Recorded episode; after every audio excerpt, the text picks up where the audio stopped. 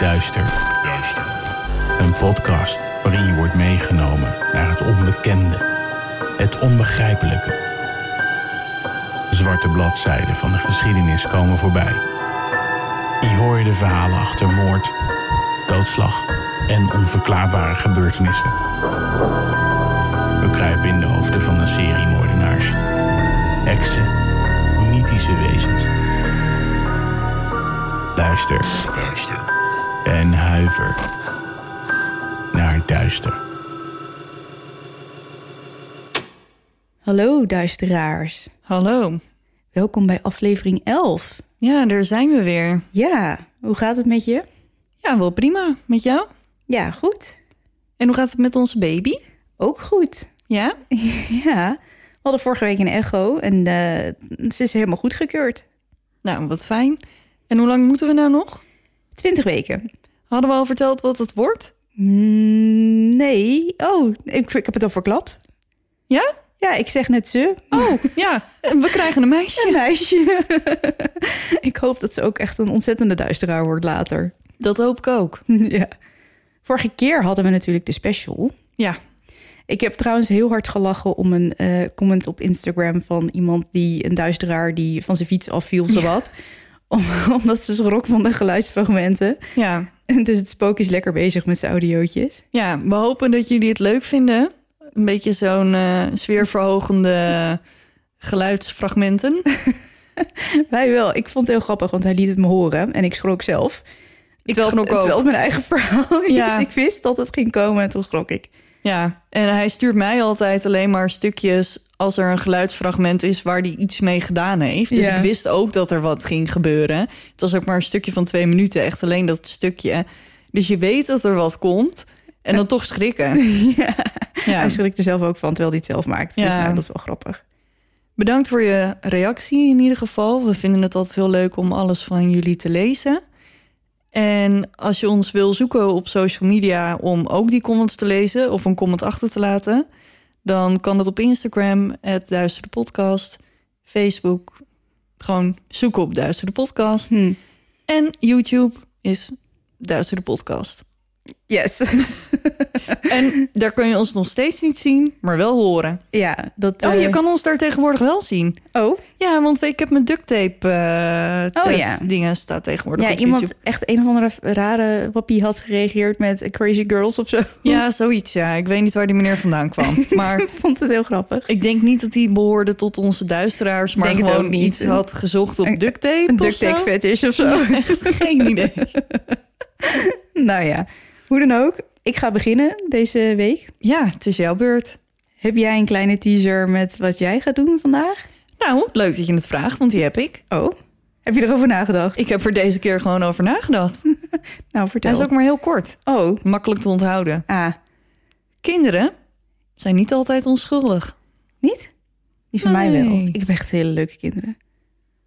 Nou, Eén van 30 en één van 3. Heel flauw. Oké, Oh. nou, ik ga gewoon beginnen, oké? ja, graag. Oké, here we go.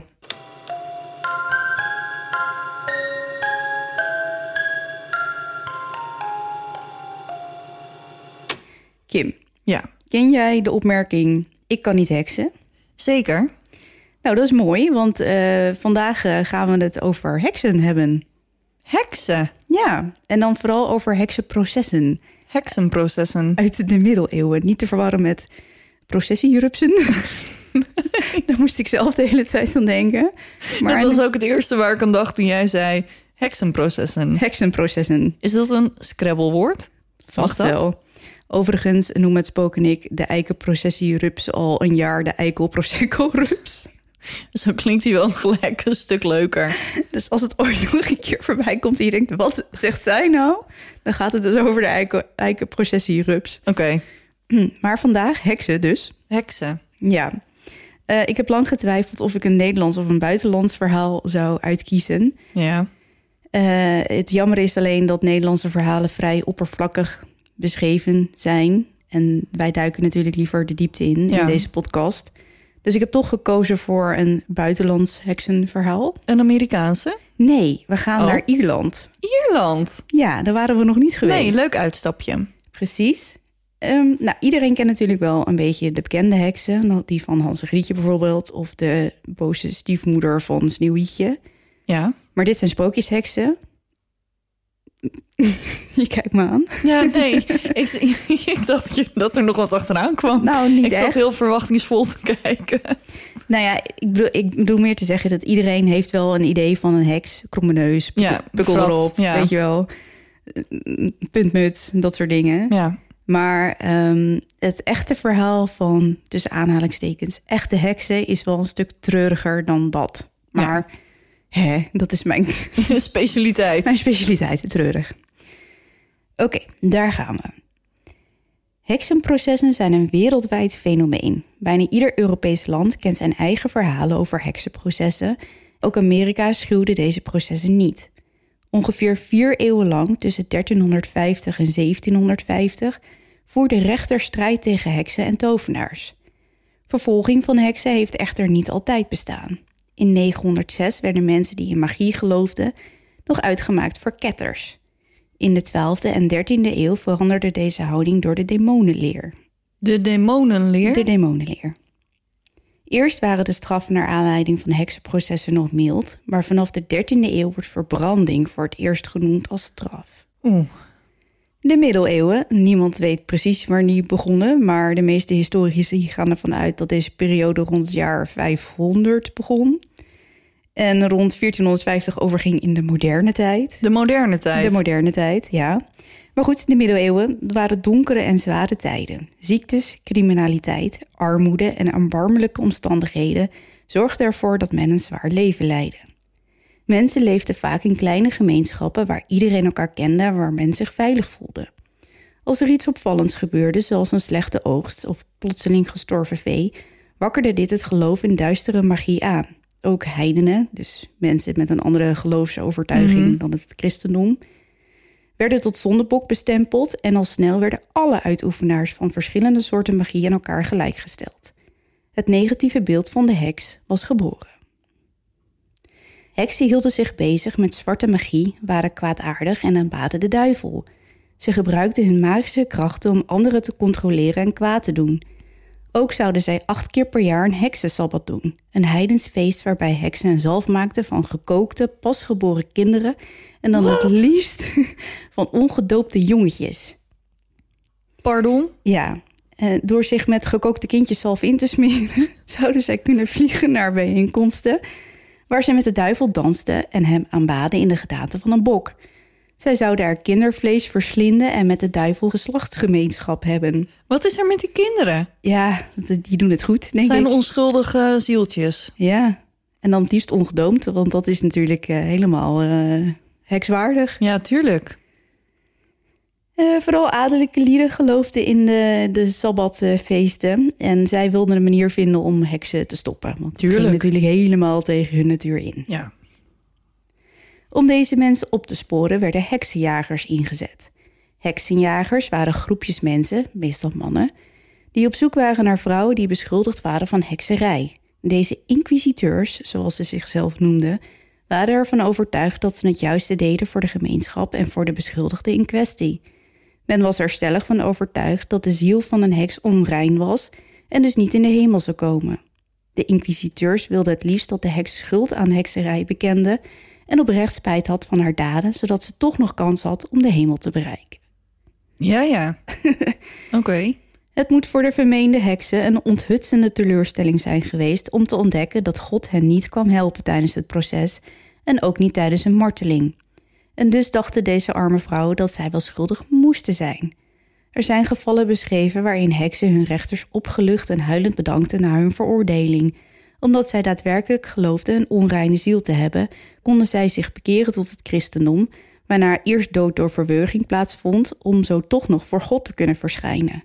Het lichaam werd daarna alsnog verbrand om alle kwaad voor goed te niet te doen. Als een beschuldigde vrouw eenmaal voor de rechter moest verschijnen, waren er verschillende methodes om vast te stellen dat zij daadwerkelijk een heks was. Bekende versies hiervan zijn de heksenwaag en de waterproef. Deze gingen als volgt. De heksenwaag. Die ken je denk ik wel. Ja, die ken ik wel, ja. De heksenwaag was een levensgrote weegschaal die een paar centimeter boven de grond hing, normaal bestemd voor het wegen van marktwaar, maar in gevallen van een beschuldigde heks een apparaat dat over leven of dood besliste. Het wegen gebeurde volgens strenge regels en kostte in die tijd heel wat geld. Wanneer de verdachte het juiste gewicht had, kreeg zij het certificaat van wegingen mee. In het certificaat stond beschreven dat de verdachte geen heks was, waarna zij kon terugkeren naar huis zonder te worden gelyncht door de dorpgenoten. Maar- Maar wat is een goed gewicht? Wie bepaalt wat een goed gewicht is? Ja, daar komen we zo bij. Oké. Maar wie in verhouding tot de lichaamslengte een te laag gewicht had, kon waarschijnlijk vliegen Ja, natuurlijk. ja. en was dus heks. Dat vooral vrouwen in die tijd te licht bevonden werden, is niet gek. Het waren vaak armoedzaaiers en bedelaars die beschuldigd werden. Dus die hadden toch al niet Nee, die hadden niks te eten. En dus die nee, die waren graafmager. Dus dan was je al snel eh, een heks. Daarbij werd de waagmeester nogal eens omgekocht.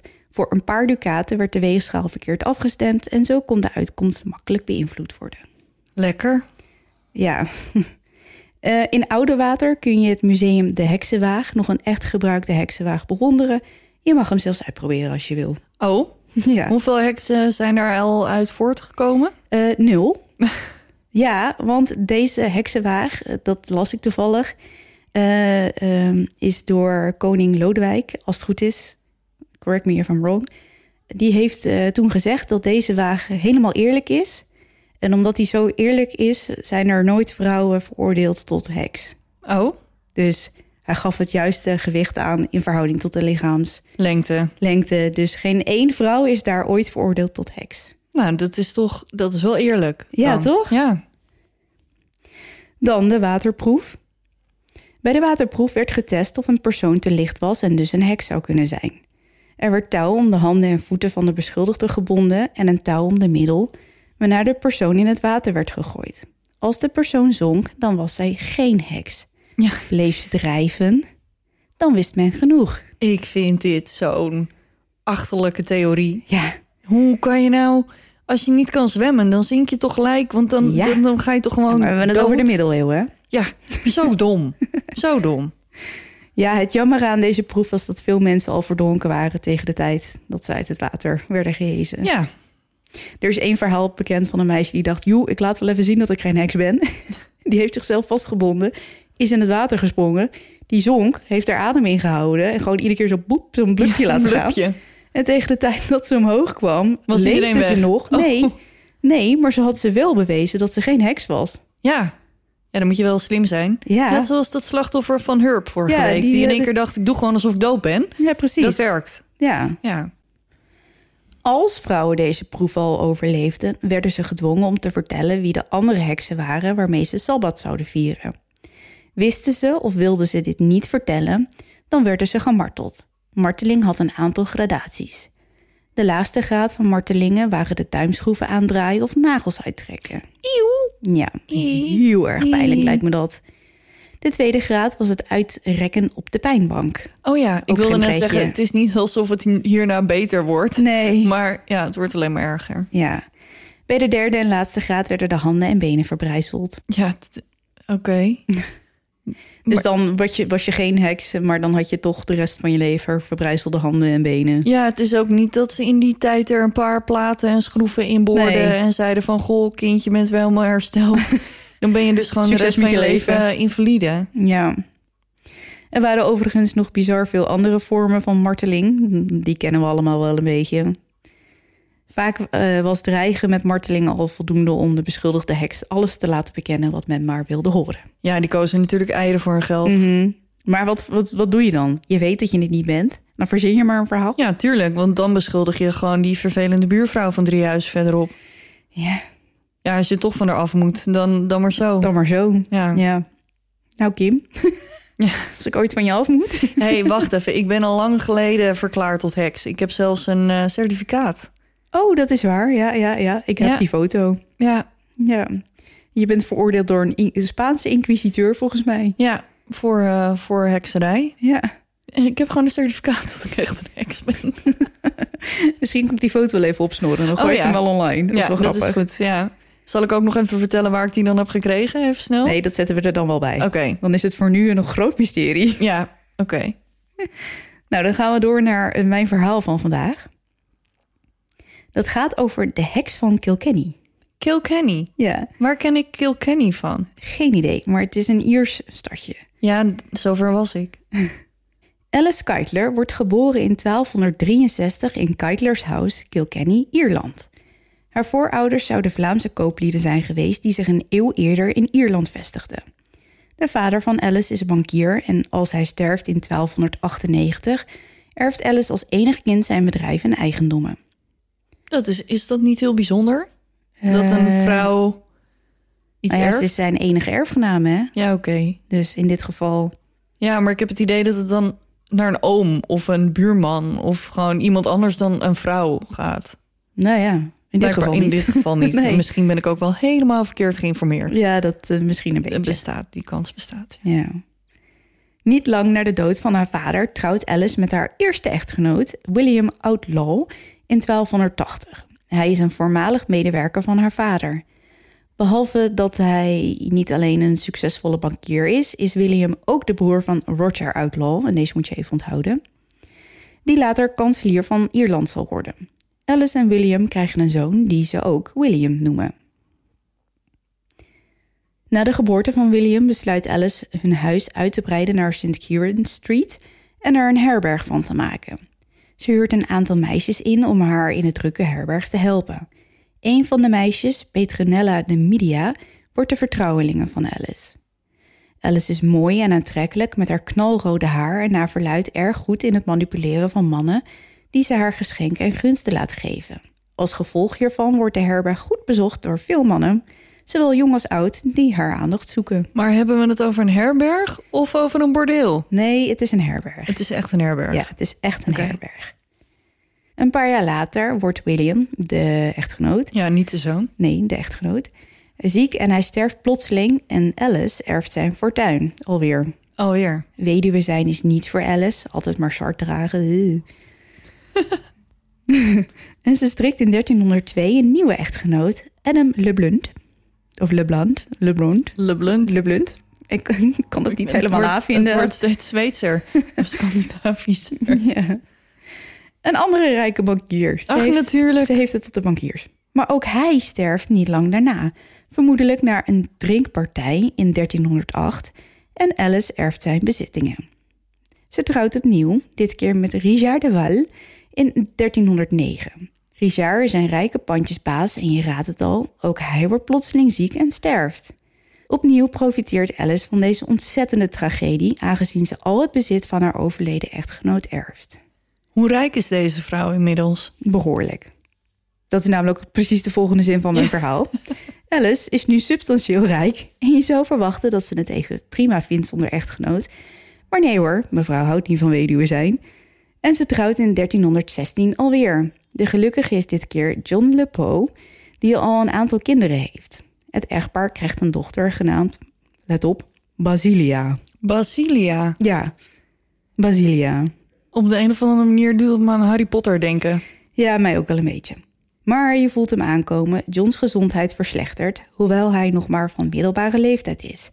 Hij voelt zich net een vadoek, zijn zijn eigen woorden, slap en traag.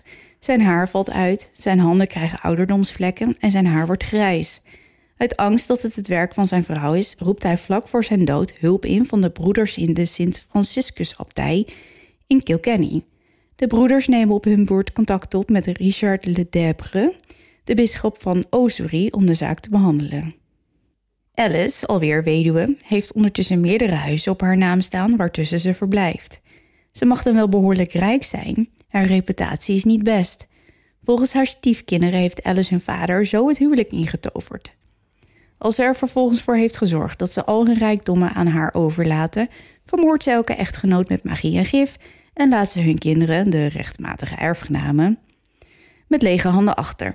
Rond deze tijd beginnen de geruchten over Alice. Dat ze satanische rituelen en riten zou uitvoeren. Ze zou het christelijk geloof negeren. En ze zou geheime bijeenkomsten organiseren om zwarte magie te beoefenen. Na de plotselinge dood van John, de vierde man, onder mysterieuze omstandigheden, gaat het gerucht dat hij voor zijn dood een zwaar vergrendelde kast heeft geopend in de kelder van hun huis. De geruchten gaan dat de kast een reeks tovenarij-attributen bevat, waaronder ogen van raven, wormen, nachtschade en afgeknipt haar van haar overleden echtgenote. En dat allemaal gekookt in een pot gemaakt van de schedel van een onthoofde dief.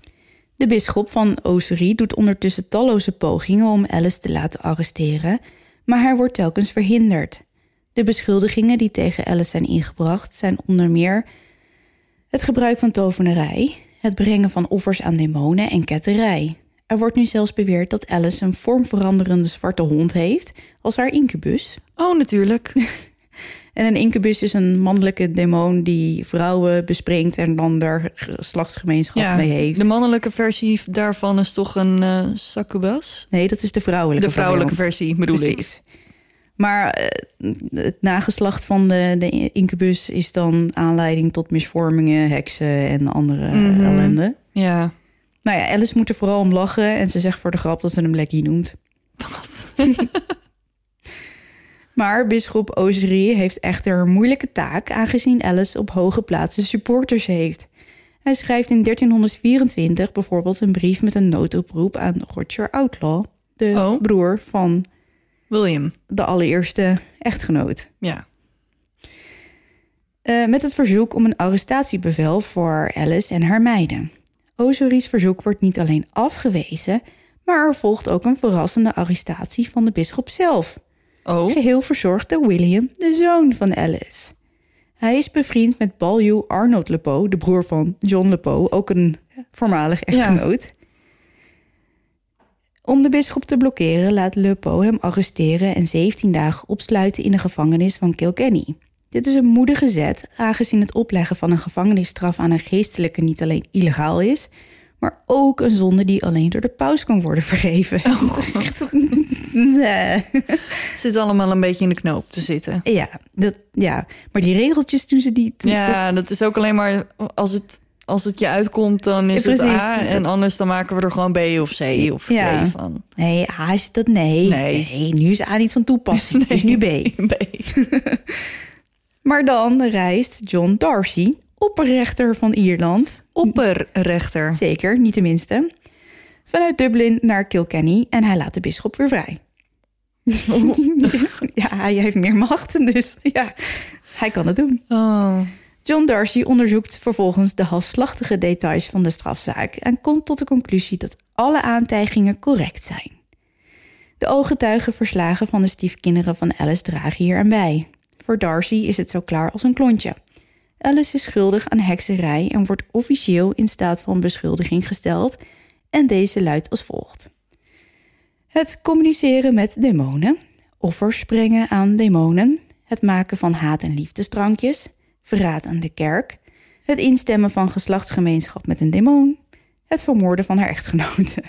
Hoe het, ik, ik zie mezelf al hier bij de rechtsbank staan. Van, ja, maar mevrouw, u heeft eh, geslachtsgemeenschap gehad met een demon. Wat heeft u daarop te zeggen? Ja. Ja, echt. Dit kun je je toch niet meer voorstellen? Nee, ja, mensen geloofden daar gewoon echt in. Ja. Goed en kwaad en niks ertussenin. Dat Ja. was het gewoon. Ik kan trouwens wel een liefdesdrankje gebruiken. Dus als iemand een recept heeft. Nou, vraag het even aan Alice. Ja. Voor dit hele zootje wordt Alice veroordeeld en haar straffen zullen zijn... Zij zal door de straten worden voortgesleept... terwijl zij aan de achterkant van een paard en wagen vastgebonden zit. Dan zal het aanwezige publiek mogen joelen en rottende voedselwaren mogen gooien... En daarna zal zij naar de verbrandplek worden geleid... om vervolgens op de brandstapel levend te worden verbrand. Levend. Dus ze worden niet meer eerst gewurgd en dan Nee. verbrand, maar gewoon levend. Nee, Alice was zo'n ontzettende heks... die kreeg daar de kans niet meer voor, blijkbaar. Oh. Maar Alice denkt ook you toodaloo en vraagt naar de hulp aan Roger Outlaw, de ex-zwager. En vlucht vervolgens naar Dublin om haar veroordeling te ontlopen. Haar vertrouwelinge, Petronella, is niet zo fortuinlijk en blijft achter in Kilkenny. Om de woedende menigte die zich voor het huis van Alice heeft verzameld te kalmeren, wordt Petronella met grof geweld gearresteerd. Ze wordt gevangen genomen, geslagen, gemarteld en uitgehongerd totdat ze opgeeft en ze Alice voor eens en altijd veroordeelt in haar afwezigheid. Ze bekent het volgende. Bekend, de zaakjes. Ja, nou daar gaan we hoor. Nou, ik ben heel benieuwd. Alice heeft een demon toegestaan haar vleeselijk te kennen. Zij had duivels geraadpleegd en drankjes gemaakt. Bij een andere gelegenheid op het kruispunt buiten de stad had ze drie hanen geoffend aan een zekere demon die ze Robin noemde, die ze vanuit de diepte van de onderwereld had opgeroepen. Ze had het bloed van de hanen uitgestort, de dieren in stukjes gesneden en de ingewanden gemengd met spinnen en andere zwarte onderkruipsels zoals schorpioenen en wormen, samen met een kruid dat duizendblad wordt genoemd. Sinds wanneer hebben ze schorpioenen in Ierland? I don't know, man. Misschien hebben ze die wel hoor trouwens, maar ik vind Ierland niet bij uitstek een schorpioenenland. Nee, nou ja, blijkbaar had ze ze wel. Oké. Ze had dit mengsel in een pot gekookt met de hersenen en kleren van een jongetje die zonder doop was gestorven, samen met het hoofd van een overvaller die was onthoofd. Ze hebben wat met onthoofde Ja. overvallers of zo. Petronella was verschillende keren op verzoek van Alice aanwezig geweest bij deze ceremonies. Ze had daarnaast ook ingestemd met een pact waarbij ze een medium zou zijn tussen Alice en de demon Robin, wordt die genoemd. En terwijl Petronella zelf toekeek, had de verschijning geslachtsgemeenschap met Alice. Na deze schandelijke daad veegde ze haar met haar eigen hand de walgelijke plek schoon met lakens van haar eigen bed. Hoe, kan, Ja, hoe komt die vrouw erop? Ik heb geen idee. Dan heb je wel echt goede fantasie ook hoor. Blijkbaar was het hebben van seks met een demon iets wat ze echt als kwaader dan kwaads beschouwen. Echt het meest verschrikkelijke wat je kon doen. Ja. Ja. Daar kun je je toch niks bij voorstellen? Ja, maar ik vraag me echt af, zou Alice misschien gewoon een scharrel gehad hebben? En dat ze daar, omdat het dan niet kan of zo, dat ze er dan een demon van maken? Ik heb geen idee. Want ik er is weet niet echt iets wat daarop duidt, overigens. Nee, maar ik kan me wel voorstellen dat, dat het misschien niet zo netjes is om, weet ik veel, als je voor de vierde keer weduwe bent geworden, een beetje random casual seks te hebben met vreemde Iemand. mannen. Ja, dat is dan maar een demon. En dat het dan een soort van satanisch, of nee, niet satanisch, is niet het juiste woord, maar ik kan even niet op een komen. verklaring of zo. Ja, een verklaring. Ja, ik weet het niet. Het enige wat ik kan bedenken is dat deze mensen in die tijd gewoon echt geloofden dat, dat God en zijn tegenhanger, de duivel, l- levensecht zijn. Ja. Hun hele gedrag pasten ze daarop aan. Eh, geen slechte dingen doen, want dan val je in de handen van de duivel. Ja, Ja. Dus wij kunnen ons daar niks meer bij Nee, voorstellen. helemaal niet. Nee. Het waren echt ontzettend godvrezende mensen. Eh, we gaan door. Petronella is ook nog van mening dat zij en haar meesteres een magisch drankje op een houten balk hadden aangebracht, waarna beide vrouwen konden vliegen. Nu is de maat vol voor John Darcy en Petronella wordt vervolgens gedwongen een openbare verklaring af te geven dat Alice en haar volgelingen zich schuldig hebben gemaakt aan hekserij. Right. Tuurlijk. Ja, oké. Zij verklaart het, dus het is zo. Ondanks dat Petronella een geldboete wordt aangeboden, want de doodstraf kwam eigenlijk nog net niet voor. En helemaal niet verbranding, maar. Weigert Petronella zich te bekeren tot het christendom. Want als je dat dan deed, dan kon Ja, je dan toch nog. waren je zonden vergeven en dan Ja, kon je, je verder als een eh, rein mens. Ja, precies. Maar dat doet ze dus niet. Omdat Alice nog steeds niet is teruggekeerd en niet voldoet aan de oproep om bij haar eigen rechtszaak aanwezig te zijn, Nee, vind het gek. Nee. En Petronella dus weigert zich te bekeren, wordt er dan maar besloten dat Petronella de straf van Alice zou moeten ondergaan om het volk rustig te houden. Zij willen immers bloed zien. Ja, natuurlijk. Ja. Petronella's straf wordt in de vroege ochtend van 3 november 1324 uitgevoerd. Verzwakt, bont en blauw en uitgehongerd wordt ze naar de brandstapel gesleurd. Ze jammert als ze aan de paal wordt vastgebonden en het vuur onder haar oplaait. En ze smeekt Alice om haar te komen redden. Helaas voor Petronella komt Alice niet en wordt ze levend verbrand. De eerste vrouw die in Ierland wordt verbrand wegens ketterij. Zo sneu. Ja, Echt heel zielig. ja. Je wil Gewoon niet... de straf van een ander die niet eens schuldig is. Nee, ook dat nog. Ja. Nou ja, of Alice echt een heks was, dat weten we natuurlijk niet. Ehm, het zou wel aannemelijk kunnen zijn dat zij wel degelijk haar echtgenoot heeft vermoord voor Ja. hun eigen noemen. Maar ja, dat, dat weten we niet, want daar is natuurlijk geen onderzoek naar gedaan. Nee. Want men geloofde toch wel dat Ja. ze een heks was. En nadat Petronella verbrand is, is Alice ook nooit meer gezien. Maar ergens in een brief naar iemand, en die heeft ook weer gereageerd, staat een soort van aanwijzing Ja. dat ze in Vlaanderen nog is gezien. Maar niemand heeft ooit nog wat van Alice gehoord. Oh, daar komt de vader natuurlijk vandaan. Zei Ja, de voorouders. Ja, de voorouders. ja, maar of dat waar is, nobody knows. Nee. Dat was het verhaal van de Hicks van Kilkenny. Jeetje. ja. Ik kan gewoon niet. Hoe kan je nou? Hoe kan het? Ja. Ik, Ik, weet heb het echt niet. geen idee. Ik weet het ook niet. Ja, ik- ja, behalve dan dat toen ik hier onderzoek naar deed, is dat deze mensen gewoon daar echt in geloven. Ja. Echt, maar dan ook. Ik, ik, heb nog gedacht om eh, dit verhaal in plaats van Ierland naar Amerika te gaan, naar de Witch Trials of Salem. Salem. Ja, die kent denk ik iedereen wel. Maar volgens mij was jij degene die daar, mij daarop wees een tijdje terug. Mhm. Dat er recent onderzoek is eh, uitgebracht waarin wordt gesteld dat, dat tijdens de heksenprocessen in Salem, daar werden 24 vrouwen beschuldigd van hekserij Mhm. omdat één meisje van acht jaar eh, een andere vrouw raar had zien doen. En Ja, vervolgens klopt. had gezegd, Ja. jij bent een heks. En dat heeft een soort van keten eh ontlokt. Ontketend. Ja, ontketend. waarbij er uiteindelijk 24 vrouwen zijn veroordeeld. Maar dat zou komen doordat de bron die door het, door, die door het dorpje stroomde... Mhm. daar aan het begin van die bron, de oorsprong daarvan... daar groeide een schimmel. Schimmel. En die had waarschijnlijk het water vergiftigd, waardoor iedereen hallucinaties kreeg. Ja.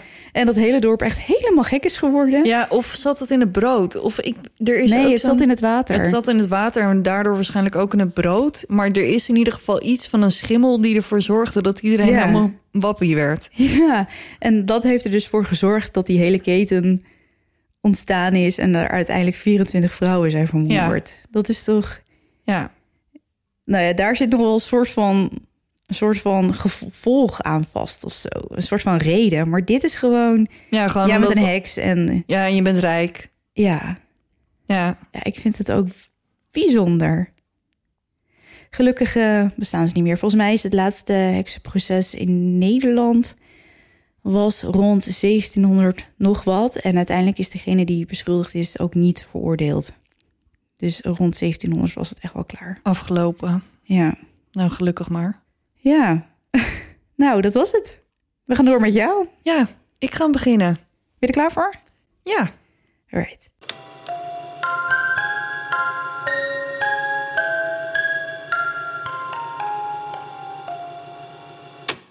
Op 12 februari 1993 gaat James Bulger, dan twee jaar oud, samen met zijn moeder Denise boodschappen doen in het Strand Shopping Center in Bootle. En dat is dan in de County Merseyside. En dat ligt dan weer bij Liverpool in Engeland. Ik wou net zeggen, we zijn in Engeland. We zijn in Engeland, dat klopt. En ze gaan van winkel tot winkel, zoals je gewoon doet in een winkelcentrum. En zijn moeder houdt James constant in de gaten, want hij is twee. Dus die moet je wel eh, in de gaten houden. Zeker, ik weet hoe tweejarigen zijn. Ja, ik ook. en als ze bij de slager aankomen, plaatst Denise haar bestelling. En als ze heeft betaald, realiseert ze zich dat James is verdwenen. Hmm. In een paar minuten, en nou ja, hoe lang kan het geduurd hebben... dat het haar heeft gekost om haar portemonnee te pakken en af te rekenen... is James aan haar aandacht ontsnapt. Denise rent naar buiten en begint James te zoeken. Nou ja, het kind is twee, dus hoe ver kan het gewaggeld zijn in Ja. zo'n korte tijd? Nou ja. het, het, het, ik zie het spook kijken. Het kan, het kan best een end het komen. kan hoor. best een eind komen, maar oké, hè, je gaat ervan uit dat hij gewoon weglopen is. Nou ja, goed, verder. Als ze hem niet gelijk vindt, gaat Denise naar een beveiliger en vraagt hem om zijn hulp. De beveiliger roept de naam van James en zijn beschrijving om en vraagt iedereen in het winkelcentrum op te letten en James terug te brengen naar de servicebalie als ze hem hebben gevonden. ja, je hoort natuurlijk wel vaker gewoon als je in de Ikea, in de Ikea James loopt bijvoorbeeld. uit Ja. het kinderparadijs. Ja, of eh, weet ik veel. Jantje en Pietje zijn de moeder kwijt. Kom ze halen bij de balie. Ja. Maar goed, we gaan verder. Denise maakt zich zorgen, maar verwacht dat James gewoon een ommetje is gaan maken en zo meteen door iemand wordt teruggebracht. Hoe langer het duurt, hoe groter de paniek. Het hele winkelcentrum wordt doorzocht, maar geen spoor van James. Dan is het tijd om de politie in te schakelen. De politie begint een zoektocht in het winkelcentrum en als ze daar geen spoor van James vinden, vinden breiden ze een zoektocht uit naar buiten. Ze zoeken in de straten eromheen en ze zoeken langs een kanaal in de buurt, bang dat hij naar buiten is gelopen en in het kanaal is gevallen. Oei. Die kans bestaat natuurlijk. Ja. Maar ook daar vinden ze James niet en de zoektocht gaat verder. De politie is ondertussen hard op zoek naar aanwijzingen. Ze krijgen de videobeelden van het winkelcentrum en na alles zorgvuldig bekeken te hebben, vinden ze hun eerste aanwijzing. Op de beelden is te zien dat de kleine James hand in hand met een jonge jongen door het winkelcentrum loopt, met daarnaast nog een andere jongen. We zitten in 1993, dus de beelden zijn vreselijk slecht. Ja, pixels. Maar, ja, maar aan de hand. En plus dat het ook nog gewoon videobanden waren. Dus die worden gewoon iedere dag opnieuw en opnieuw gebruikt. Dus de Mhm. kwaliteit van de band zelf was ook gewoon slecht. Maar aan de hand van de beschrijvingen van Denise, van de kleding van James, is de politie er zeker van dat het om James gaat. ja. Het is lastig op de beelden te zien hoe de jongens eruit zien. De politie schat ze een jaar of 14, 15, gebaseerd op hun lengte en zo. Dat is natuurlijk moeilijk inschatten aan de hand van zulke slechte beelden. Maar ja, Mhm. je moet toch wat. Maar niemand heeft die jongens gezien. Helemaal niemand. Nee, op dit moment niet, nee. Dit is zeg maar de eerste aanwijzing van de politie. Ja, omdat het hele winkelcentrum op zijn kop is gezet. Dus misschien dat iemand al eerder heeft gezegd... maar wacht even, ik heb dat jochie met twee jongens naar buiten zien lopen. Nee. Hm, jammer. Denise en haar man doen op 13 februari een emotionele oproep op tv... en de politie geeft een stil van de camerabeelden vrij. Na de oproep blijkt dat de jongens al eerder een poging deden om een kind mee te nemen. Oh, In een warenhuis in het winkelcentrum viel het een vrouw op dat twee jongens de aandacht van haar kinderen probeerden te trekken. Er staat niet hoe, maar ik stel me er zo bij voor dat ze dan hebben gezwaaid en gekke bek hebben getrokken. een en een beetje aangeboden Ja, zo. zoiets. Niet veel later merkt de vrouw dat haar kinderen, een meisje van drie en een jongen van twee, verdwenen zijn. Oh, De moeder vindt haar dochter al snel, maar haar zoon is nergens te bekennen. Als ze aan haar dochter vraagt waar haar broertje is, zegt ze naar buiten met de jongen. De vrouw rent naar buiten en schreeuwt de naam van haar zoontje. Ze ziet twee jongens die proberen haar zoontje met zich mee te lokken. Zodra de jongens de moeder zien, zeggen ze tegen de jongen dat hij terug moet gaan naar zijn moeder en nemen de benen. Pure mazzel redde dus het leven van dit jongetje, maar helaas werd het James uiteindelijk fataal. Zijn lichaam wordt namelijk gevonden op 14 februari. een dag later. Een dag, ja, twee dagen nadat hij, nadat hij verdween. Mhm. Ja, sorry. Ik dacht een dag later na de oproep van zijn ouders. Ja, dat klopt, ja. Eh, twee dagen later dus door de, een groepje kinderen. Oh, Ze vinden hem zo'n vier kilometer bij het winkelcentrum vandaan langs een spoorlijn. James is geraakt door een trein. En ik Oh, kan me niet voorstellen hoe vreselijk dat eruit moet hebben gezien. En hoe erg het voor die kinderen is geweest. Voor een volwassene is het al erg. ja, eh, ik, ik, het, het- volgens mij is het überhaupt een nachtmerrie van iedere machinist ten eerste. Ook dat, ja. Eh, en voor iedere agent die op de plaats, eh, ter plaatse bezittingen bij elkaar moeten rapen, Ja. weet ik wat allemaal. Daar is Emily. Nee, ik, ik, ik heb ontzettend veel respect voor deze mensen die dit moeten doen. Ik ook. Lijkt me echt de hel op aarde. Het lijkt me verschrikkelijk. Ja. Voordat ik verder ga met James en zijn verwondingen, nemen we even een zijstraatje. Oké. Er zijn namelijk, ik weet niet hoeveel getuigen die James met de jongens hebben zien lopen. Ja, dat zei ik net. Maar niemand deed wat. Als de jongens het winkelcentrum uitlopen, begint James te huilen en om zijn moeder te roepen. De jongens trekken zich hier helemaal niets van aan en lopen gewoon verder richting een kanaal. Daar aangekomen laten ze James op zijn hoofd vallen, die daarbij een snee oploopt en die begint te bloeden en laten hem op de grond liggen. Er loopt een vrouw langs die James ziet liggen, maar die doet vervolgens helemaal niks. Jezus. Ja. En ik kan me. Nee, ik wilde zeggen, ik kan me er wel. Nee, je kan je er niks bij voorstellen. De jongens zeggen tegen James dat ze hem moeten volgen en dat doet hij. Er loopt bloed langs zijn gezicht en om dat te verbergen zetten ze zijn capuchon op. Oeg. Mensen die langs liepen zagen nog steeds wel dat het jongetje verwond was. En één voorbijganger merkte op dat hij liep te huilen, maar niemand deed wat. Oh nee. De jongens nemen hem mee langs winkels, gebouwen, parkeerplaatsen. Ze lopen gewoon over de drukste straten. En niemand die wat doet. Niemand. Ik weet niet hoeveel mensen nou ja, ze gezien moeten hebben. Wat wel zeker is dat er minstens 38 mensen zijn geweest Die niks hebben gedaan. die niks hebben gedaan. Of ze in ieder geval gezien hebben. Maar ik hoop dat we nu toch in een tijd leven waarbij sociale controle. Alhoewel, ik zeg het en ik begin ook te twijfelen. Ja, Ja. ik weet niet hoe dat werkt. Ja, dat weet ik ook niet. Ik, ik mag toch hopen dat ik als moeder, als ik een kindje zie huilen met zonder ouderlijk toezicht, zo jong, eh, dat ik me daar om, om bekommer. Ja, maar goed, ik ook was niet moeder. Nee, ja, nou ja, goed. Of je nou moeder bent of niet. Ik weet het niet. Misschien is dit een. eh, Discussie voor een nee, andere ja, keer. Misschien een soort verpakte boodschap van eh, dat Ja. we toch meer om elkaar moeten geven of zo. Ja, en opletten. Ja. Oké, verder met het verhaal. Sommige getuigen herinneren zich later dat James liep te lachen, terwijl anderen zeggen dat James zich verzette en om zijn moeder riep. Eén iemand ziet een van de jongens James zelfs in zijn ribben schoppen, maar ook die zegt er helemaal niks van. Daarna ziet iemand anders dat ze James slaan en schudden. Wat doet ze? Ze sluit het gordijn en gaat verder met haar leven. Nee, dit is echt heel erg. Dat is echt heel erg. Weer iemand anders, een oudere mevrouw, ziet de verwondingen van James en ziet hem huilen. Ze gaat naar het drietal toe en vraagt ze wat er aan de hand is.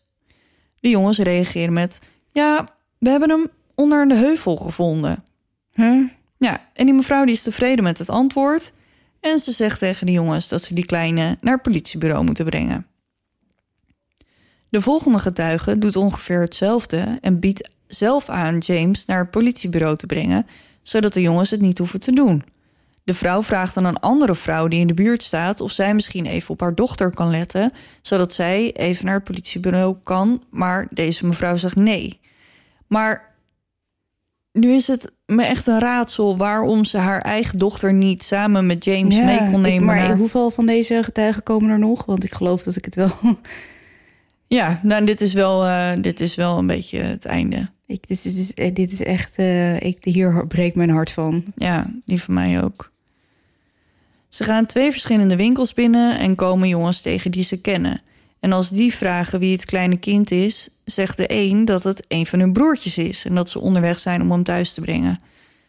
Dat gaan ze natuurlijk helemaal niet doen. Ze nemen hem mee naar de spoorlijn. En nou, ik kan hier zo kwaad van worden.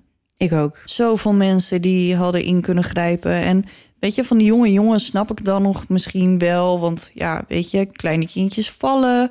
En als je zegt van nou, dit is mijn kleine broertje... en je kent die jongens broertjes niet... dan kan ik me er nog bij voorstellen. Maar zo'n vrouw, die, die, ik snap niet... waarom kon dat kind niet mee naar het politiebureau? Geen idee.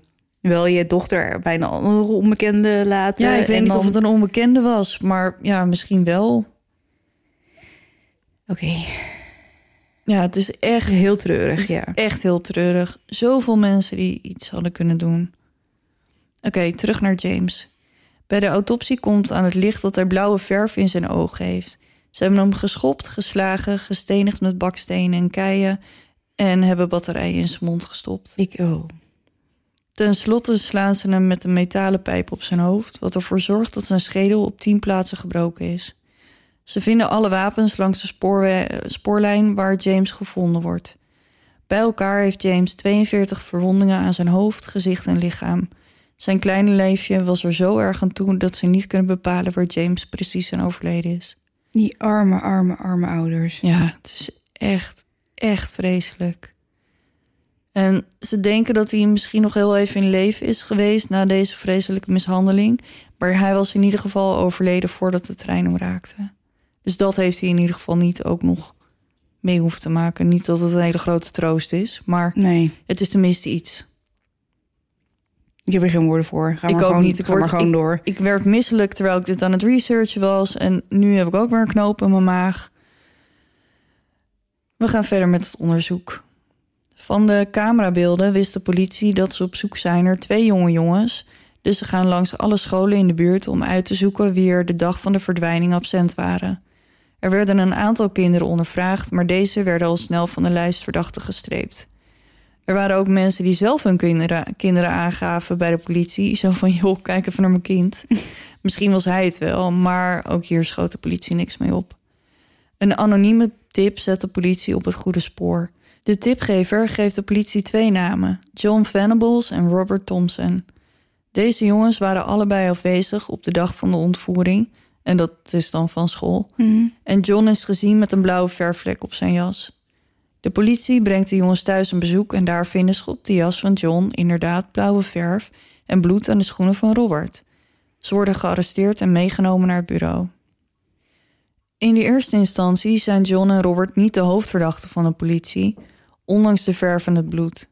Niet? De- nee, nee. De politie is namelijk op zoek naar jongens van een jaar of 13, 14, 15. Deze twee zijn pas 10 jaar oud. 10. 10. Ja. ja, ik zeg niks, maar het ongeloof staat op mijn gezicht. Ja. Maar tijdens de verhoren veranderen ze van mening. De jongens zitten allebei op een ander politiebureau en worden tegelijkertijd ondervraagd. Robert geeft toe dat hij en John spijbelden op de dag van de ontvoering en dat ze in het winkelcentrum waren. John zegt in zijn interview wel dat hij met Robert was, maar niet dat ze in het winkelcentrum waren. Na een paar dagen van verhoren breekt John en bekent dat hij en Een Robert. paar dagen? Ja, Heeft hij het een paar dagen volgehouden? ja, Een paar dagen? Ja, en volgens mij zeg ik dat later ook, maar ze hebben meer dan twintig uur aan audiotapes van de verhoren. Dus zo lang heeft het Hoe, minstens eh, geduurd. Wow. En dan niet twintig uur achter elkaar Nee, natuurlijk, nee, maar gewoon een paar uur per dag. Het lijkt sowieso heel bruut om kinderen zo lang te verhoren. Ja, Maar, maar ja, het, het zal wel moeten. ja. Dus, maar ik denk dat ze gewoon een paar uur per dag Ik geloof ook niet dat ik heel veel medelijden met deze twee jongetjes heb op de een of andere manier. Nee. Maar ik heb een stukje audio van het verhoor. En Nee. Ja, echt een mini, mini stukje. Maar ja, ik wilde het toch even laten horen. I never got the boys. I never killed someone.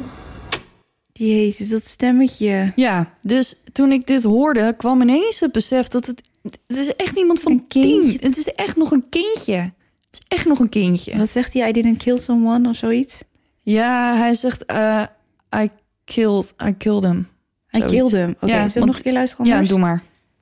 I never got the boys. I never killed someone.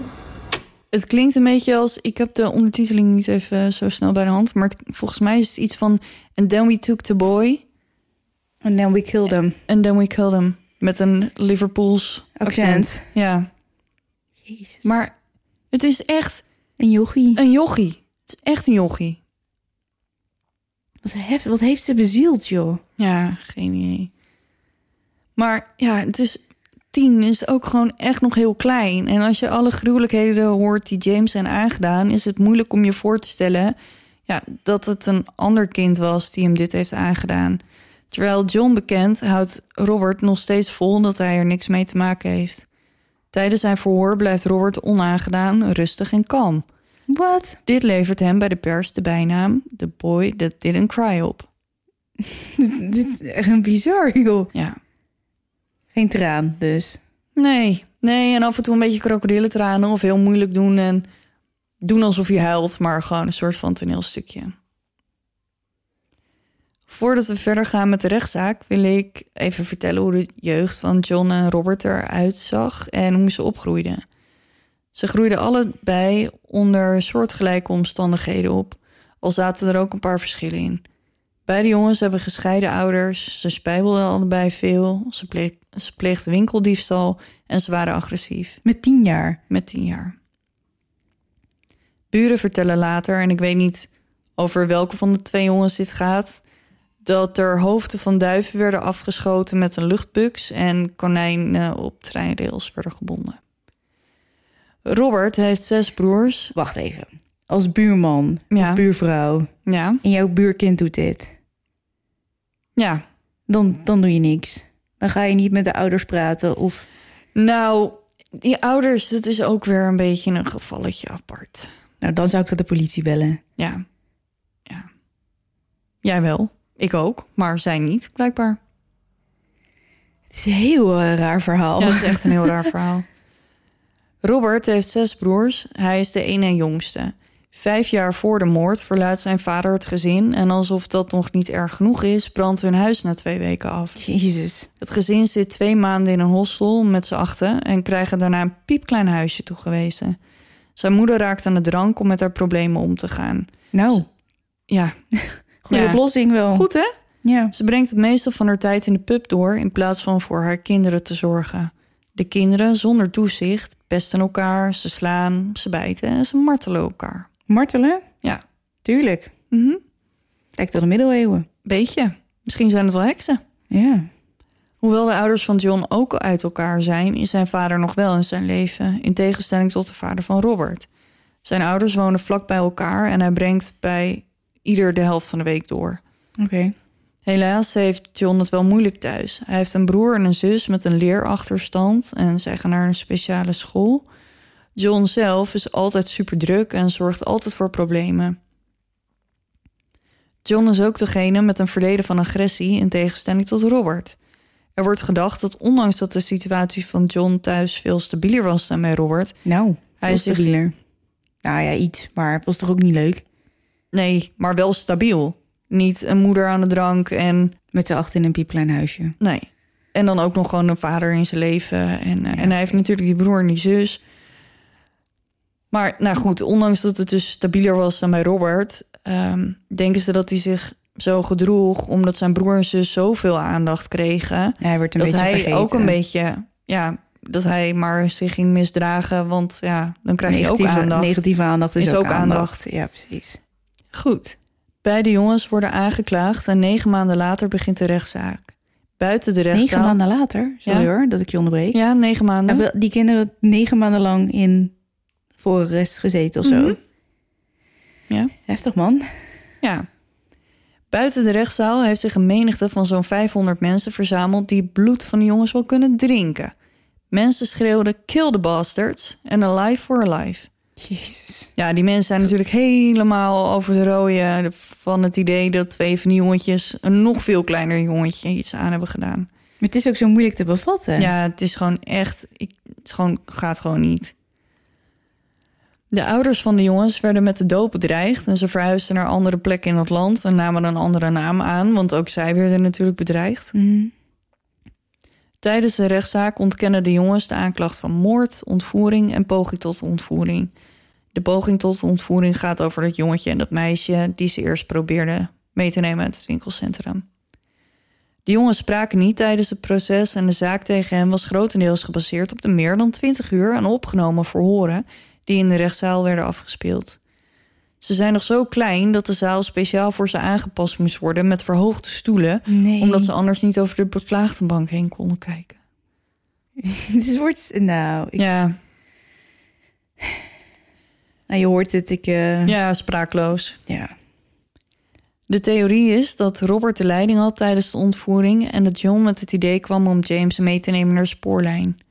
John beschreef later dat James hem aardig leek te vinden, dat hij zijn hand vasthield en dat hij hem op mocht pakken tijdens de wandeling naar de plek langs de spoorlijn. Lawrence Lee, de advocaat van John, zegt later dat Robert een van de angstaanjagende kinderen was die hij ooit had gezien.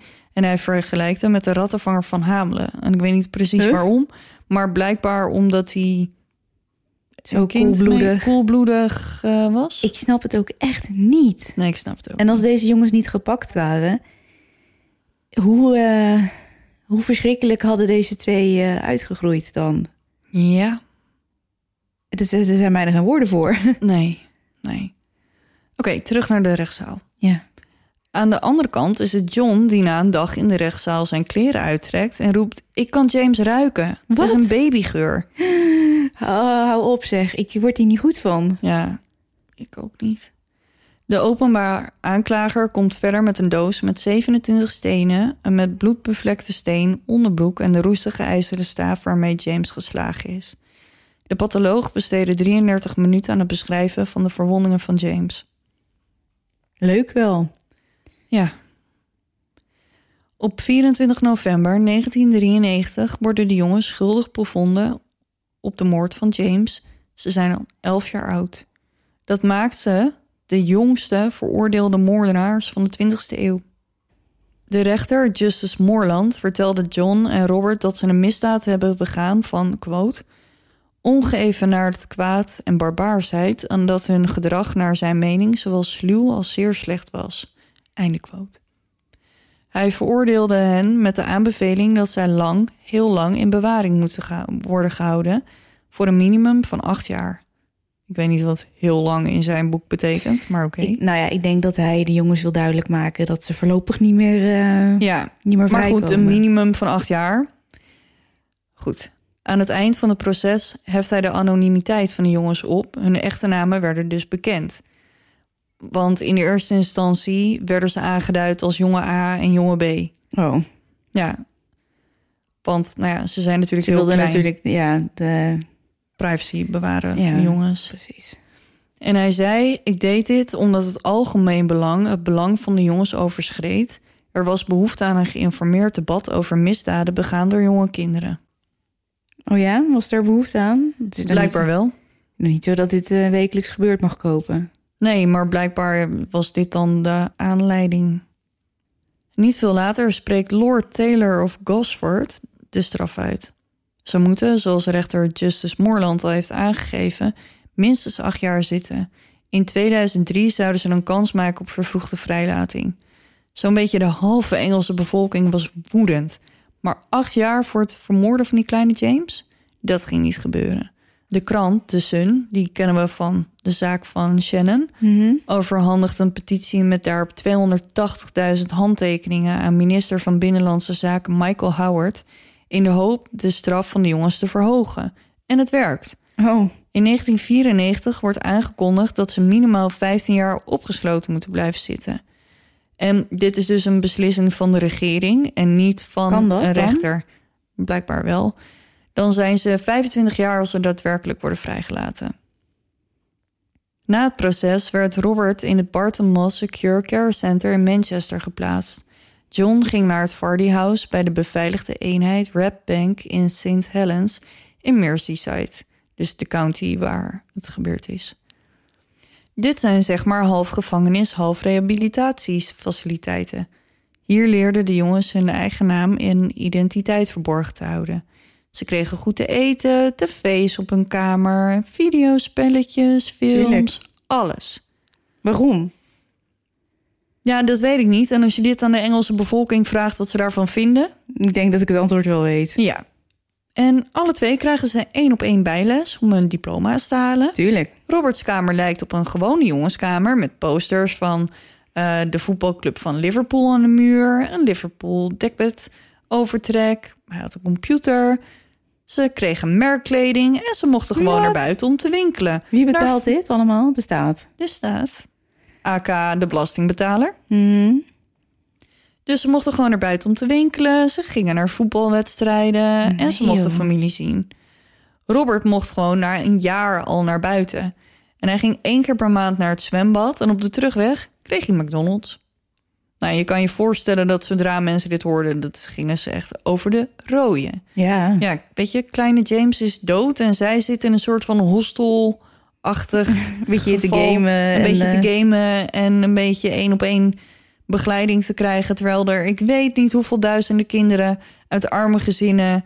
die hebben geen Liverpool poster, want dat kunnen ze niet betalen. Of Nee. een, een bijlesleraar Of een Playstation. of een Playstation of films. De locaties waar ze zaten werden pas na hun vrijlating bekendgemaakt. De ouders van John bezochten hem regelmatig. De moeder van Robert ging elke drie dagen bij hem langs. Het wordt gezegd dat John goede vooruitgang heeft geboekt bij Red Bank, waardoor hij de volle acht jaar daar gezeten heeft, ondanks dat de faciliteit eigenlijk alleen voor kortdurende hechtenis was. Dus normaal is het dan een jaar of twee, maar hij bleef gewoon acht jaar zitten. Gezellig. Tuurlijk. Hè? Ja. En van beide jongens wordt vermeld dat ze leden aan posttraumatisch stresssyndroom. Natuurlijk. Vooral- ja, vooral John had hier heel erg last van. Ze hadden last van nachtmerries en flashback naar de moord op James. Nou, misschien hadden ze dan toch nog een soort van geweten. Of zo. Maar ehm, eh, ik mag toch hopen dat deze jongens wel geleerd hebben. Nou ja, weet ik veel geleerd. Ik, eh, hebben deze jongens überhaupt straf ervaren? Nou, zo voelt het niet. Nee. Nee. Nee. Want nou, het enige wat verder vertonen ze in al hun tijd daar helemaal geen agressie of afwijkend gedrag verder. En ze dienen hun tijd rustig en zonder incidenten uit. Dus op zich hebben ze daar wel dat hele moeilijke gedrag een beetje laten varen. Maar die jongens die zijn nooit getest of zo door een psycholoog of een gedragstherapeut of Ja, zoiets. volgens mij wel. Maar heel veel informatie is natuurlijk ook helemaal niet naar buiten gebracht. Omdat ze ten eerste heel lang anoniem zijn gebleven. En daarna is wel hun identiteit bekendgemaakt. Maar ja, het zijn natuurlijk minderjarige ja. jongens. ik vind het eh, echt, ik vind het heel moeilijk. Ja. Goed, verder. En helemaal dat je niet weet waarom. Kijk, als Ja. ze nou nog drugs hadden gebruikt of zo. Ja, ik weet niet hoe jongens van tien daar aankomen, maar stel dat. Ja, eh, en het gaat natuurlijk helemaal verkeerd in die kopies. Dan heb je nog een soort van reden of zo. Maar dit is gewoon zo random lijkt wel. ja, Ze hadden een moordplan en dat hebben ze uitgevoerd. En daarna Ja. was het oké. en dan... ja. En nu jij zegt moordplan, schiet me in één keer iets binnen wat niet in mijn notitie staat. Maar volgens mij was eerst het plan om hem voor een auto te gooien. Wat? Dat maakt het niet veel beter. Nee. Nee. Nee. Oké. Oké, verder met het verhaal. In 1999 gingen de advocaten van John en Robert in beroep bij het Europese Hof voor de Rechten van de Mens dat het proces van jongens niet onpartijdig geweest was, omdat ze te jong waren om de procedure te volgen en een volwassen rechtbank te begrijpen. Ja, wat moeten ze dan doen? Ja, geen idee. En dan moet ik even diep in mijn geheugen graven. Maar volgens mij is tien ook de leeftijd waarop je in Engeland veroordeeld kan worden als crimineel. En En daar daarvoor, elf, dus en daarvoor, ja, ze waren, maar ja, op het moment dat het gebeurde waren ze tien. Dus het was wel gewoon legaal. ja, precies. Het Hof verwierp hun bewering dat het proces een onmenselijk en vernederende behandeling was. Wat? Ja, dat, het Hof is het dus niet met ze eens. Nee, oké. Ja? Ja, ja, oké. ja, ja, ja. Ja, maar ja, nee, niet eens. Nee, oké. Maar ze handhaafde wel de bewering dat ze door de aard van de gerechtelijke procedure niet waren gehoord. En wat ze daarmee bedoelden, dat- het is heel eh, technisch eh, Geneuzel. geneuzel. Wat wel belangrijk is, het Hof oordeelde ook dat de tussenkomst van Michael Howard, die van de petitie, eh, had geleid tot een te zaakje sterk geladen atmosfeer, wat resulteerde in een oneerlijk oordeel. Op 15 maart 1999 oordeelde de rechtbank in Straatsburg met 14 stemmen voor en 5 stemmen tegen dat er sprake was van artikel 6 van het Europees Verdrag tot bescherming van de rechten van de mens met betrekking tot de eerlijkheid van het proces tegen de jongens. Wacht ik snap hier geen bal van. Dus, de, dus wat? Is het nou wel of niet eerlijk gegaan? Nee, het is niet eerlijk gegaan. Oh, oké. En dat komt ook, dat komt ook door die Michael met zijn petitie. Oh ja, Want de regering heeft dus een besluit genomen, terwijl dat eigenlijk helemaal onder niet... druk van het volk. Ja, terwijl een rechter is daar dus niet aan te pas gekomen. Nee, precies. Dus- ik vond het al een beetje vreemd, want een rechter is toch gewoon een soort van eindverantwoordelijke, om het Ja. maar zo even te zeggen. Ja. Dus hij is gewoon, en waarschijnlijk ook een soort met politieke campagne in zijn achterhoofd. Ja, ja. Ehm, om maar aan de wil van het volk te voldoen, heeft hij. Maar ondanks dat het dan misschien niet helemaal eerlijk is geweest, dit is eh, zo gruwelijk, deze moord. Ja. Ehm, ja, wat ga je eraan doen dan nog? Ja, nou ja, goed. Die. ehm, Je gaat me toch niet vertellen dat de jongens een schadevergoeding hebben gekregen? Nee, nee, dat ga ik je zeker niet vertellen. Maar ik ga wel verder met mijn verhaal. In september 1999 gingen de ouders van James in beroep bij het Oh, Europees tuurlijk. Hof. Oh, nee, wacht. Sorry, Dit zijn James. de ouders Ja. van James. Ja, dus Denise en haar Ja, man. ja, ja, sorry. Ik was in de war met de... John en Robert's ouders. Nee, Ja. James. Nee, oké, gelukkig. Ja. Dat mag. Ehm, zij gingen dus eh, in beroep bij het Europese Hof, maar slaagden er niet in de rechtbank ervan te overtuigen dat een slachtoffer van een misdaad het recht heeft om betrokken te zijn bij het bepalen van de straf van de dader. Dus zij hadden eigenlijk inspraak willen hebben in hoe lang iemand vast had moeten blijven zitten. Eh, dat snap ik, maar dat is natuurlijk niet helemaal hoe het Nee. werkt. Dat klopt en het Hof heeft daar ook niet mee ingestemd. Nee, precies. De zaak van het Europese Hof heeft ertoe geleid dat de nieuwe Lord Chief Justice, ze hebben daar ook allemaal van die Lord. En ik zie ook de hele tijd van die mensen met van die witte pruiken op hun hoofd. Die hebben ze daar nog steeds trouwens in de rechtbank in Engeland. Oké. Maar Lord Chief Justice, Lord Wolf, eh, heeft de minimumstraf herzien. In oktober 2000 adviseerde hij de straf te verlagen van 10 naar 8 jaar en voegde er eraan toe dat de instellingen voor jonge gedetineerden voor een bijtende atmosfeer zorgden. Wat hij daarmee bedoelde, weet ik ook niet. Maar hij verlaagt dus de straf. Joepie. Ja. Goed nieuws, man. Mhm. En in juni 2001 oordeelde het paroolbestuur na een evaluatie van zes maanden dat de jongens niet langer bedreiging vormden voor de openbare veiligheid en konden worden vrijgelaten omdat een minimumstraf in februari van dit jaar was verstreken. De minister van Binnenlandse Zaken, David Blanket, keurde de beslissing goed en een paar weken later werden ze vrijgelaten na acht jaar te hebben gezeten. Ja, in een soort van eh Ja, een soort van chill-modus. chillmodus. Ja, hebben scholing gehad, goede scholing ook. Merkkleding gedragen, nou, noem maar op. Ik zit hier nee te schudden hoor, maar... eh, Ja. Beide jongens kregen een nieuwe identiteit en Oh, ja. verhuisden naar geheime locaties in het kader van een soort van getuigenbeschermingsprogramma, maar Ja, dan voor daders. Dus Tuurlijk, hè. ze kregen nieuwe burgerservice nummers, kwalificaties, certificaten van school en zo, Mhm. medische dossiers, nou alles. En ik hoorde in eh, de video van mijn favoriete vriendin eh, Eleanor Newell, eh, die ook de zaak van Shannon heeft besproken, dat het blijkbaar tussen de 250.000 en 700.000 pond kost om iemand een nieuwe identiteit aan te meten. Hm. 250. Ja, ik hoor Dat je is hoor, maar... een kwart eh, miljoen. 700. Bijna een miljoen. Blanket voegde zijn eigen voorwaarden toe aan de voorwaarden van de vrijlating. Hij wilde dagelijkse updates over de acties van de jongens ontvangen. Nou, daar schieten we ook wat mee op. Nou, De rest van de voorwaarden van hun vrijlating bestonden uit de volgende. Ze mochten geen contact opnemen met elkaar of de familie van James. Ze mochten de regio Merseyside niet bezoeken en ze moesten zich aan een avondklok houden. En ze moesten zich regelmatig melden bij een reclasseringsambtenaar. Als ze de regels overtreden of om wat voor reden dan ook als gevaar voor de samenleving worden beschouwd, kunnen ze worden teruggestuurd naar de gevangenis. Na de rechtszaak werd er een verbod opgelegd aan de media, waardoor details over John en Robert niet gepubliceerd konden worden. Het wereldwijde bevel bleef van kracht nadat ze werden vrijgelaten, zodat hun nieuwe identiteit en locatie niet bekendgemaakt konden worden. maar deze jongens zijn 18 ondertussen. Ja. Dan mag het toch wel een keer zover zijn dat je identiteit gewoon onthuld wordt. Nee, natuurlijk niet. Ze hebben net een nieuwe gekregen voor 2,5 ton.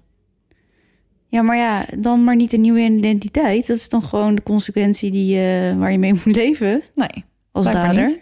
Nee, Ik snap hier helemaal geen bal van. nee, ik ook Ik ben niet. er ook een beetje zagrijnig van. Ja, ik ook. Maar goed, ehm Blunkett verklaarde, dus dat is die de minister, verklaarde in 2001, quote, het bevel werd verleend omdat er reële en sterke mogelijkheid was dat een identiteit bekend zou worden. Nou ja, de. Ja. Maar goed, dat is nog niet alles. Nog geen negen jaar na zijn vrijlating gaat John de mist in en gaat terug naar de gevangenis. In die eerste instantie wordt niet bekendgemaakt waarom. Later komt naar buiten dat hij vastzit voor het bezit van kinderporno. Blijkbaar had hij 57 afbeeldingen gedownload in een periode van 12 maanden en hij verspreidde deze foto's ook Maar met zijn nieuwe identiteit. met zijn nieuwe identiteit. Tijdens de rechtszaak geeft hij toe schuldig te zijn en krijgt twee jaar celstraf. Ook komt aan het licht dat hij zich in een chatroom voordeed als een 35 jaar oude vrouw, genaamd Dawn, die opschept over het misbruiken van haar eigen kind in de hoop om nog meer foto's te bemachtigen. Een soort van Pokémon-plaatjes ruilen of zo. Tuurlijk. Blijkbaar was hij in 2008 ook al van het rechte pad, want toen was hij betrokken bij een dronken gevecht en niet veel later wordt hij gepakt met cocaïne. In juli 2011 komt hij in aanmerking voor vervroegde vrijlating, maar hij wordt niet vrijgelaten en moet nog een jaar langer zitten. Nou, dat zal hem leren. Ja, in mei 2011 wordt bekend dat John opnieuw een nieuwe identiteit krijgt. Jezus Christus, is het nou klaar? Ja, en ik weet dus niet of dit dan hiervoor is of dat er nog een- keer iets gebeurd is. Ehm, dus nou ja, hij krijgt in ieder geval tot twee keer toe een nieuwe identiteit van belastinggeld. In ieder geval, zijn identiteit wordt bekendgemaakt door een man die zijn foto plaatst op een website waar pedofielen op staan met een foto en zijn nieuwe naam. En ik denk dat dat een soort van in Amerika heb je van die sex offender Mhm. list. Ja. Ik denk dat het zoiets was. ja, precies. Dan kun je zien, voor als je niet weet dat het, wat het inhoudt... Ja. eh, of er bij jou in de buurt een pedofiel woont. Ja, klopt. In november 2011 wordt besloten om John langer in de gevangenis te houden, omdat hij blijkbaar toch zijn nieuwe identiteit niet verborgen kon houden. Uiteindelijk wordt hij op 3 september 2000 vrijgelaten. Dus, was dit het dan? Nou, ik, ik, denk het niet, hè? Nee, natuurlijk niet. Hoe is het met die andere eigenlijk? Daar komen we zo. Op 23 november 2017 wordt hij weer opgepakt voor het bezit van kinderporno. In 2018 wordt hij aangeklaagd. Deze keer is hij in het bezit van 1170 afbeeldingen. Hij krijgt drie jaar en vier maanden gevangenisstraf opgelegd. In 2019 komt er naar buiten dat er wordt overwogen om John naar het buitenland te verhuizen. Naar bijvoorbeeld Canada, Australië of Nieuw-Zeeland. Omdat het zo duur is om steeds een nieuwe ide- identiteit voor hem te maken. Maar waarom doen ze dat dan de hele tijd? Ja, geen idee. Maar de minister van Nieuw-Zeeland zegt ehm, dat ze zich beter de moeite kunnen besparen, want ze laten hem toch niet binnen. Nee, En ik hoop dat Australië en Canada hetzelfde doen. dat, dat denk ik wel, ja. Ja, en voor zover we weten, en dan hebben we alles over John gehad nu. Voor zover we weten, eh, heeft Robert zich sinds zijn vrijlating keurig gedragen en leeft hij nog steeds onder zijn eerste nieuwe identiteit. Hij schijnt een hele lange relatie te hebben en met een man. En hij heeft gewoon nu gewoon Met een man. met een man. En hij was toch degene die het plan had gemaakt? Ja, dat zeiden ze, ja. Jezus. Ja, maar ik was nog niet helemaal klaar. Ik heb nog een klein staartje aan dit verhaal. Wil ik het weten? Ik denk het niet eigenlijk. Nou ja, het gaat niet meer over John en Robert. Dat Uh-uh. kan ik je in ieder geval ehm, mededelen. Nou, vertel Ik dan. heb nog een lijstje extra's. In 2010 krijgt een jongen van 19 een straf van drie maanden voorwaardelijk... omdat hij op Facebook zet dat een van zijn voormalige collega's Robert Thompson is. Dat was niet zo, maar volgens de rechter heeft de jongen zijn collega in gevaar gebracht door dit te zeggen. Want als mensen dus geloven dat de jongen echt Robert is... Ja, dan, kan het hij dus dan, dan wordt hij dus gelyncht als het bekend wordt. Dat denk ik ook wel, ja. Ja. In 2012 wordt er iemand opgepakt die een Facebookgroep gemaakt heeft met de naam What happened to James Bulger is fucking hilarious. Nou, dat- ik, ga, daar, ik is, ga er niet eens op daar reageren. is natuurlijk helemaal niks hilarisch aan. Dus hij wordt opgepakt, zijn computer wordt in beslag genomen voor verder onderzoek. In 2013 kregen twee mannen voorwaardelijke straffen van negen maanden... omdat ze foto's publiceerden die claimden van Robert en John te zijn op Facebook en Twitter. De posts werden gezien door minstens 24.000 mensen. Maar dat zijn dus niet de echte foto's. Dus er worden dus gewoon twee andere mannen in gevaar gebracht door dit te doen. Ja. En er zijn dus 24.000 mensen die dus dat gezien hebben. Er is een andere man en hij krijgt ook een voorwaardelijke straf van 14 maanden... omdat hij een foto op Twitter postte met daarbij dat het een foto van John was. Nou, hetzelfde verhaal dus. Mhm. In 2016 krijgt een vrouw een celstraf van drie jaar... omdat ze zich op Twitter voordeed als de moordenaars van James... Eh, en haar Denise, dus de moeder van James, tweette dat ze James' geest was. Wat? Ja, De Ja, dus die vrouw dacht, weet je, doe eens leuk. Ik doe alsof ik James ben en Heel ik ga leuk. naar zijn moeder tweeten. Ik zou deze vrouw... ehm, nou ja, niet... Ik, nou, ik, ik- Nee, we ik- willen helemaal niks met deze vrouw te maken hebben. Nee, ik wilde zeggen eigenlijk... Ik zou deze vrouw niet drie jaar wegzetten, maar 30 jaar. Ja, Eh, want hoe haal je het in je hoofd? ja, geen idee. Er wordt nog een andere man opgepakt voor het stalken van Denise. Want die heeft het nog niet zwaar genoeg. En die krijgt 26 weken. Tuurlijk. Ja. En in 2019 krijgt de actrice Tina Malone een voorwaardelijke straf van acht maanden... omdat ze de identiteit van John op Facebook zet. Maar de ik- echte? Ja, denk het. Hoe komt ze daar nou weer aan dan? Ja, dat weet ik niet. En dan de laatste, echt de allerlaatste en de meest recente. In januari van dit jaar krijgt een vrouw van 53 een gevangenisstraf van acht maanden... omdat ze in 2017 een foto van de zogenaamde John op Facebook postte met daarbij... deel dit zoveel mogelijk. Oh nee, dit is niet het allerlaatste. Het, ik wil namelijk wel even op een vrolijke noot eindigen, zover dat kan. Ehm, toen James verdween, was Denise zwanger van haar tweede kindje. Ehm, en dit jaar is bekend geworden dat ze voor het eerst oma wordt. Nou, Dus dat is in ieder geval... Haar andere zoon, Mickey, die wordt nu voor het eerst vader. Dus zij krijgt nu de eerste kleinkind. ja, eh, ja, nou dat is... Ja, het dat- is niet veel. Nee, Het, is het blijft vreselijk, het is vreselijk. En blijkbaar vechten ze hier dus nog steeds tegen. Zoveel jaar later, omdat die John maar de hele tijd op blijft duiken. En als het John niet is, dan zijn het wel andere mensen die ervoor zorgen dat er weer ellende opgerakeld wordt. Ik, eh, ik ben even spraakloos. Ja, er valt verder ook niet ik heel zit me veel over even te in, zeggen. eh, in Denise te verplaatsen als dit mijn kind was geweest. ja, En, het is eh, echt een hartverscheurend verhaal. Het is echt heel erg. Maar ik hoop wel dat we hier misschien de les van kunnen leren om op onze omgeving te letten. Als je denkt dat er iets niet in de haak is. Ja, en nu helemaal in deze tijden. Je hebt nu toch ook eh, bij de apotheek die oproep masker 19 voor als het niet goed gaat met Ja. je. Dat je, nu, dat je, dat je dan eh, hulp kunt vragen op deze manier. Omdat huiselijk geweld eigenlijk helemaal niet zichtbaar is op dit moment. Nee, dus dan kan je inderdaad naar de apotheek en dan om masker 19 vragen. En dan zorgen zij dat je hulp krijgt. Ja, En daarop aansluitend, ehm, ja, vermoed je nou huiselijk geweld om je heen bij je buren, je zus, je broer, je ouders, maakt helemaal niks uit. Eh, en je wil graag advies en hulp, dan kan je contact opnemen met Veilig Thuis. En dan kan je ze bellen op 0800 200. Ehm, en ze zijn iedere dag bereikbaar van, oh, niet iedere dag zie ik, van maandag tot en met vrijdag van 9 tot 5. En we hebben ook jongere luisteraars, weet ik, onder de 18. En als er bij jou nou thuis wat aan de hand is, dan kan je contact opnemen met de kindertelefoon. Of ehm, bellen met 0800 0432. en we hebben ook nog de eh, website ik vermoed huiselijkgeweld.nl. Ja, ik vermoed huiselijkgeweld.nl en daar kan je gewoon alles eh, nakijken. En daar staan alle telefoonnummers. Ehm, en ook over wat masker 19 betekent. Oké, nou doe dat vooral. Eh, blijf er niet mee rondlopen. Nee, pas gewoon op elkaar. Ja. Ik denk dat dat de belangrijkste boodschap is die we nu Kunnen geven, kunnen geven. dat denk ik. Ja, Oké, nou volgende week iets minder heftig graag. ja ik ga volgende week wat anders doen. Ja. Misschien een leuke oma die zeep maakt.